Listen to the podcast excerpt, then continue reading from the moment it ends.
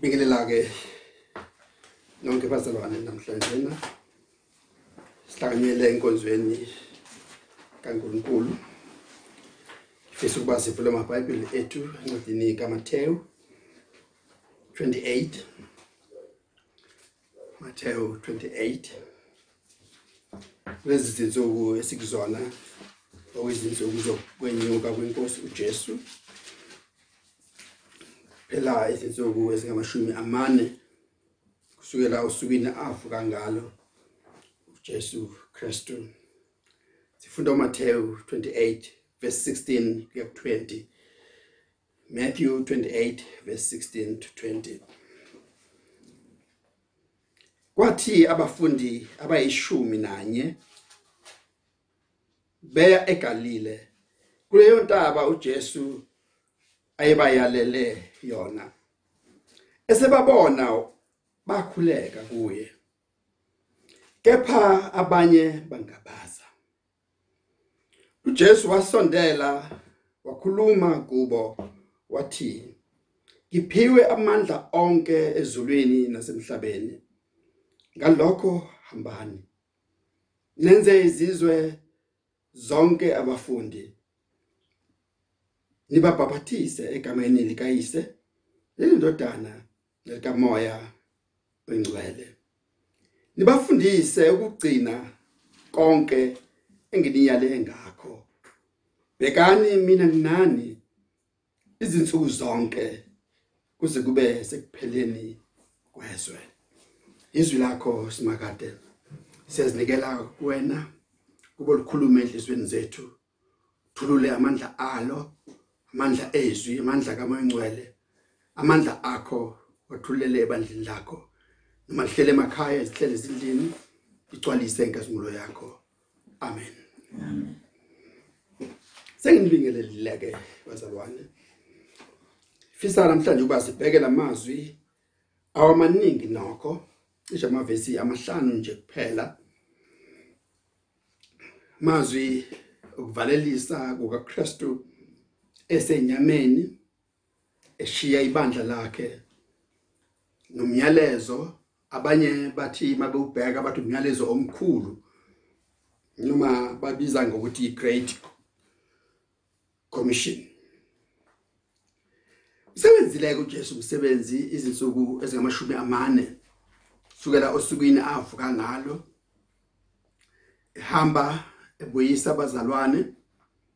Abanye basibekuyela ekudobeni kwabo.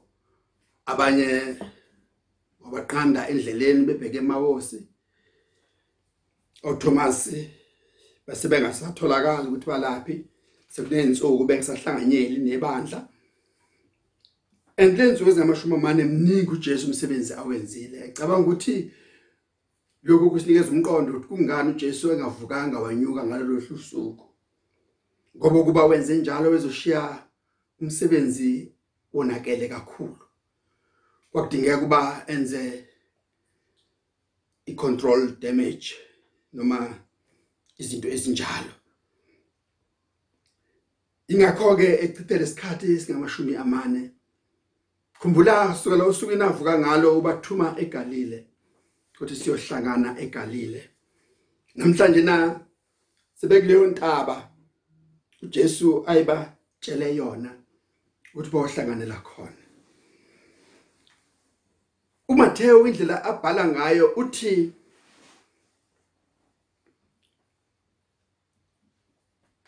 sebembona abafundi bakhuleka kuye.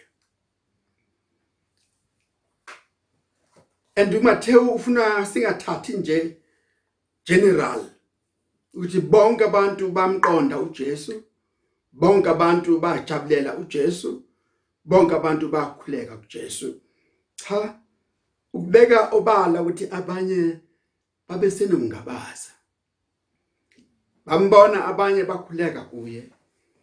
Kungenzeka ukuthi labo bantu ayisebasebenze kakhulu njengabayishumi nambili nabanye. Kungenzeka kuba lengxenye eyayingakamboni kahle iyona lena enomngabaza ukuthi nguye ngempela na. Sebembona bakhuleka. Enkosini yabo. Bakhuleka kumsindisi wabo bakhuleka kuMesiya wabo. Andikwakhona nalokho ungabaza kwesisikhathi ebandleni likaKristu kuthi inkonzo uNkulunkulu eyibusisile abantu bebusiseka kodwa kuba khona labo bantu obabona emehlweni ukuthi abezwa lutho. Abakhathalele lutho. Bazi ngabazela nje bamangele nje ukuthi kona bangaze bakhale kangaka abanye kwenze njani. Lezo simo ke sasikhona nakalesikhathi Jesu akagcini ngokuthakasela ukukhulekelwa yibo akathakaseli nje laba abakhulekayo kuphela kodwa unomyalezo anawo nebandla lakhe. Uyasondela kubona njengenkosi yabo ebabizile basembizweni ebizwe nguJesu ukuthi sihlanganela la entabeni yaseGalile. Uma esondela kubona uJesu uyakhuluma. Kusuke kungeyona imbizo noma umhlangano uma inkosi yesizwe noma inkosi yalabo bantu ingesokhuluma izobabiza nje maqede besibabuka iphile emuva cha uyakhuluma uJesu. Kunenkulumo ebalulekile yesizwe. Kunenkulumo ebalulekile yebandla lakhe. Ezasondela kubo wakhuluma kubo. Wathi ngiphiwe amandla onke. Izulwini nasemhlabeni. Amandla angawami amandla asezulwini angawami amandla asemhlabeni onke angawami ngicela sikubheke lokhu bazalwane. Kulenkonzo sibhekisise ngoba mawufunda uMathewu esahlukweni sesine noma uLuka isahluko sesine kule ndaba yokulingwa kukaJesu izinsuku ezingamashumi amane nobusuku ngamashumi amane ubonakala ephelelwa ngamandla uve kubonakala usathani eza namandla. Usathani uziveza engonamandla ukuthi angaguqula amatshe wenze isinkwa usathani uzibona engenamandla ukuthi angenze noma yisibi isimangaliso uze asho ukuthi unamandla ukwenza lokho. uJesu akazange lokho emphikisana naye ngoba kuyisikhathi ufuna uqaphela ngalokuphikisana namadimoni ngalokuphikisana noSathane. Kodwa namhlanje uJesu uphumela obala uthi onke amandla sezulwini. Noma ngabe ukwacabanga kanjani wabona kanjani onke lawo mandla angawami anikwe mina. Onke amandla semhlabeni angawami anikwe mina. Abanye bawabonile amandla uJesu ewasebenzisa ekuvusa oLazaro ekufeni eguqula amanzi ebe yiwayini ebanikeza izinkwa abantu abango 12000 noma 5000 ezinhlanzini ezimbili nezinkwa ezintathu.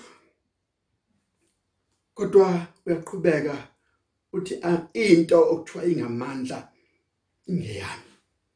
Mina onamandla. Andemzuzwini noma izinsukwini ezingamashumi amane ezedlule ubonakale eyinkosi engenamandla lapho ebanjwa ngabantu bemshaya bemkhafulela bembethela bemgqiba. Kodwa namhlanje na uthi amandla angawami lokho bekuyicause ebekufanele ngiyifeze bekuyindlela obekufanele ngihambe khumbula phela amazwi akhe uma ethi kudluza lesitsha ngingasiphuzanga okukhomba ukuthi bekhona amandla okwenza insindiso kwenye indlela kodwa uNkulunkulu ufunile wathanda ukumenza abe umuntu wobuhlungu abe umuntu wokugula abe umuntu wosizi ukuze athwale usizi lwethu ngiphiwe amandla. Awasezulwini nawasemhlabeni lawo mandla angawami. Ufuna abafundi namhlanje bahambe bene statement esiphelele nesiphilayo sokuthi abakhonzi uNkulunkulu ongenamandla noma inkosi engenamandla. Ufuna bahambe bazi ukuthi balandela usomandla. Phiwe amandla. Pho kusho ukuthini ukunikezwa amandla kukaJesu na? Uthi kalawo mandla lawo mandla kwanika nina. Amen. Lawo mandla ami ngiwanika nina. Hambani. Nenze izizwe zonke abafundi. Uthi Jesu hambani niyezweni lonke. Hambani niye emhlabeni wonke. Niyokwakha niyokwenza niyocreator abantu ukuba babe ngabafundi bami. Sekathi uJesu uthi ngishodile ngabafundi. Nina eniyishumi nambili nani ngamashumi ayisikhombisa anenele ngidinga abantu bonke babe ngabafundi bami. Babe ngabantu abazophatha umyalezo wami. Ngamanye amagama uJesu ukhipha imishini namhlanje na? Uma ubheka encwadini kaLuka encwadini kaMarko uJesu usho wona lawo mazwi esebabona wabathuma. Wathi hambani nenze izizwe zonke. Hambani nishumayele ezweni lonke. Lokho akusho uMarko. Lana uthi ngibafuna befundile. Ngibafuna bengabafundi. Uthi uMarko uthi kuMarko ngifuna beshunyayeziwe shumayelani ivangeli kukho konke okudaliweyo. Myalezo uJesu ushiya nebandla lakhe ukuba konke okudaliweyo makulizwe izwi lakhe makulimukele ivangeli lakhe makube ngabantu abakholwayo kuyena. Endizoqonda kahle ke manje bazokuhlanganisa uMatteo noMarko ukuthi kungani ethi benzeni abafundi. Ngoba uthi bafundiseni ukushumayela bafundiseni izwi lami bafundiseni umsebenzi wami khona beyokwenza babe ngabashumayeli ezweni lonke. Bashumayele ivangeli. Endumark uyacacisa lokhu ukuthi bazoshumayela ivangeli. Baphathiswe ivangeli baphathiswe umyalezo omuhle indaba enhle. Abazoshumayela izinganekwane abazoshumayela nje ama motivational speak species azokhuthaza abantu ngandlela thile. Kodwa bashumayela uKristu Jesu obethele esimambanweni uKristu Jesu ombeliwe uKristu Jesu ovukile uKristu Jesu namhlanje na omphezulu kwesteshi esimthatha siminyusela ezulwini. Enzani abantu? Sebenzi womshumayeli sebenzi womfundisi sebenzi kapastor umsebenzi wanoma yipi inceku noma ngabe umbishop noma ngabe ubani ke esikhundleni sakho wazipha sona noma waphiwa sona sebenzi wakho ukwenza abantu abafundi nokuthi ukukitaza abantu bahleke. Hayi ukuthinta abantu kuba bajabule nje. Kodwa ukubenza abafundi bakaJesu ukubenza babe ngabakholwayo. Shumelani ivangeli konke okudaliweyo bakholwayo baphathiswe yakusindiswa. Izindaba zombili ziyavumelana ngalokho ukuthi fanele bakholwe. Anifanele futhi bapaphathiswe andikufanele futhi basindiswe. And uMatteo uthi uma senibenzile babe ngabafundi ngizobapaphathisa hayi kuJohane noma kuApollo noma kubani kodwa egameni likayise elendodana nelikamoya ingcwele basopaphathiswa bahlanganiswe noNkulunkulu uBaba bahlanganiswe noNkulunkulu uMoya ingcwele bahlanganiswe noNkulunkulu indodana. Ngamanye amagama umthathu emunye uzophila kumuntu nomuntu obhaphathisiweyo uzophila kumuntu nomuntu ofundisiwe maqede waphaphathiswa uzoba sidalwa esisha esinophawu olungcwele phawu lombhaphathiso. Ayipheli lapho indaba uJesu ayikhulumayo empaphatisweni kodwa uyaqhubeka uthi nibafundise phela ngoba uma iphela lapho indaba kusho sibona abafundisi balutho. Singabafundisi ngoba kufanele siqhubeke sibafundise abantu masonto onke izikhathi zonke ukugcina intando kaNkuluNkulu ukugcina izwi kaNkuluNkulu ukwenza kombuso kaNkuluNkulu. Nibafundise. Ugcina konke lokho. Konke nginyale ngakho. Konke kusembhalweni konke kusezwini lami ngizobafundisa ukugcina. Ndilokhu akusho kuMateyu 16 uma ebanikeza isihluthulelo sezulu noMateyu 18 konke nikubophayo kuboshiwe konke nikuvulayo kuvuliwe. Hambani ke? Niyokwenza lo msebenzi mina nginani. Izikhathi zonke kuze ube sekupheleni kwezwe. Nginani. Inani uma ubheka impilo yabafundi besuka lana bahlala ndawonye bahlala endlini eyodwa bakwi lockdown izinsuku eziyishumi. Uma ubheka impilo yabafundi sebephuma beze izizwe abafundi. Uma ubheka impilo yabafundi sebehamba beshumayela. Phezulu kwesithembiso ukuthi uJesu uthe unabo abanye babona behlukunyezwa beboshwa oPetro noJohani abanye babona beshaywa abanye babona bekhandwa ngamatshe oStefano. Abanye babona bebethelwa oJohani benqunywa amakhanda oJakobe zonke lezo zinto kodwa umyalezo usamile. Nginani? Nginani? And akusho ukuthi uma ibandla selihlaseleka ukuthi inkosi yalo ayisekho khona inkosi isebandleni layo. uNkulunkulu sikubantu bakhe.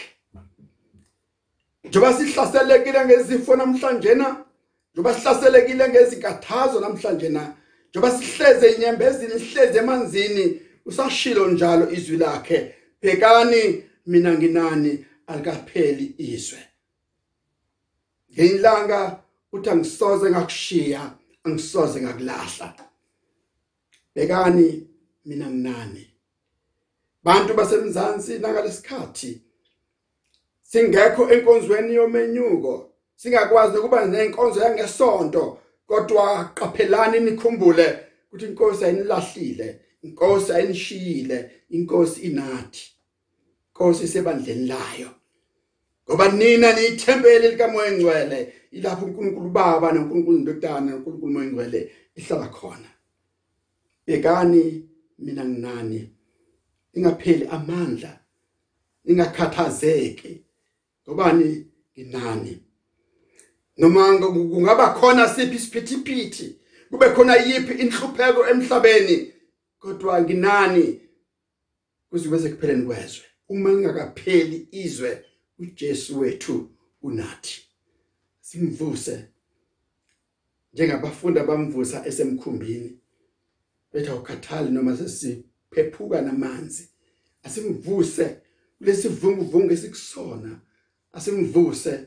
Sithi inkosi vuka vuka sikulindele sikulindele siyibandla lakho sikulindele ukwenza umsebenzi wakho ukushumayela izizwe ngezizwe ukufundisa abantu babe izinciko zakho nezincikazi zakho. Sikulindele. Wathi meqeda ukusho lokho wakhushulwa. Sho njalo umbhali wencwadi yezenzo uthi sekhulumile lokho wakhushulwa bebuka. Sho njalo futhi umbhali wevangeli lika Luka uMarko wakhushulwa bebuka. Nyalezo usuphelele. Lule izandla zakhe wababusisa wesesuka kubo seqedile unabo. Unabo enyuka unabo esehleli ngawesokunene sikaNkuluNkulu unabo usuku nosuku unabo bekhala unabo bephumelela unabo benza amandla ngoba ubanikezile amandla. Uthe amandla wanikiwe and amandla washiya ebandleni lakhe. Amandla wanika ingceke nezincekazi zakhe ukuthi kalowo mandla asenze izizwe zonke abafundi. Asiphumenike simemezele uJesu onyukileyo ngoba sinenyama yethu ezulwini esimele phambi kaNkuluNkulu inkosi inibusise amen. Baba siyabonga izwi lakho. Siyabonga ukuthi namhlanje na usenza sihlale phansi sibukeze izwi lakho ukuthi uyaphila uphilile izinsuku ezingamashumi amane emva kokuhlupheka kwakho. And awaphelanga amandla akho ethuneni. Uvuke nawo amandla amandla akho wanikeza ibandla lakho. Ukuba lenze umsebenzi wokushumayela lenze umsebenzi wokufakaza lenze umsebenzi wonke ofanele ukwenziwa. Libusiseke leli bandla libusise lihlele emakhaya kuyileyandlu naleyandlu naleyandlu babusise abantu bakho bekhathazekile bedekile izifo ezibahlaselayo. Nakufelwa nakubandezeka baphe amandla ngoba baphe wona amandla. Qinisaka ukukholwa kwethu sihambe ngalowo mandla sibe ngofakazi bakho. Sikwandisele abafundi sikwandisele izikhonzi zakho nabasindiswayo. Lokhu sicela egameni lenkosi uJesu inkosi. Amen. Musa wenkosi yethu Jesu thando kaBaba uNkulunkulu hlanganyelo kamoya engcwele. Ukube nani nonke azafika uJesu Kristu inkosi yethu. Amen. Amen.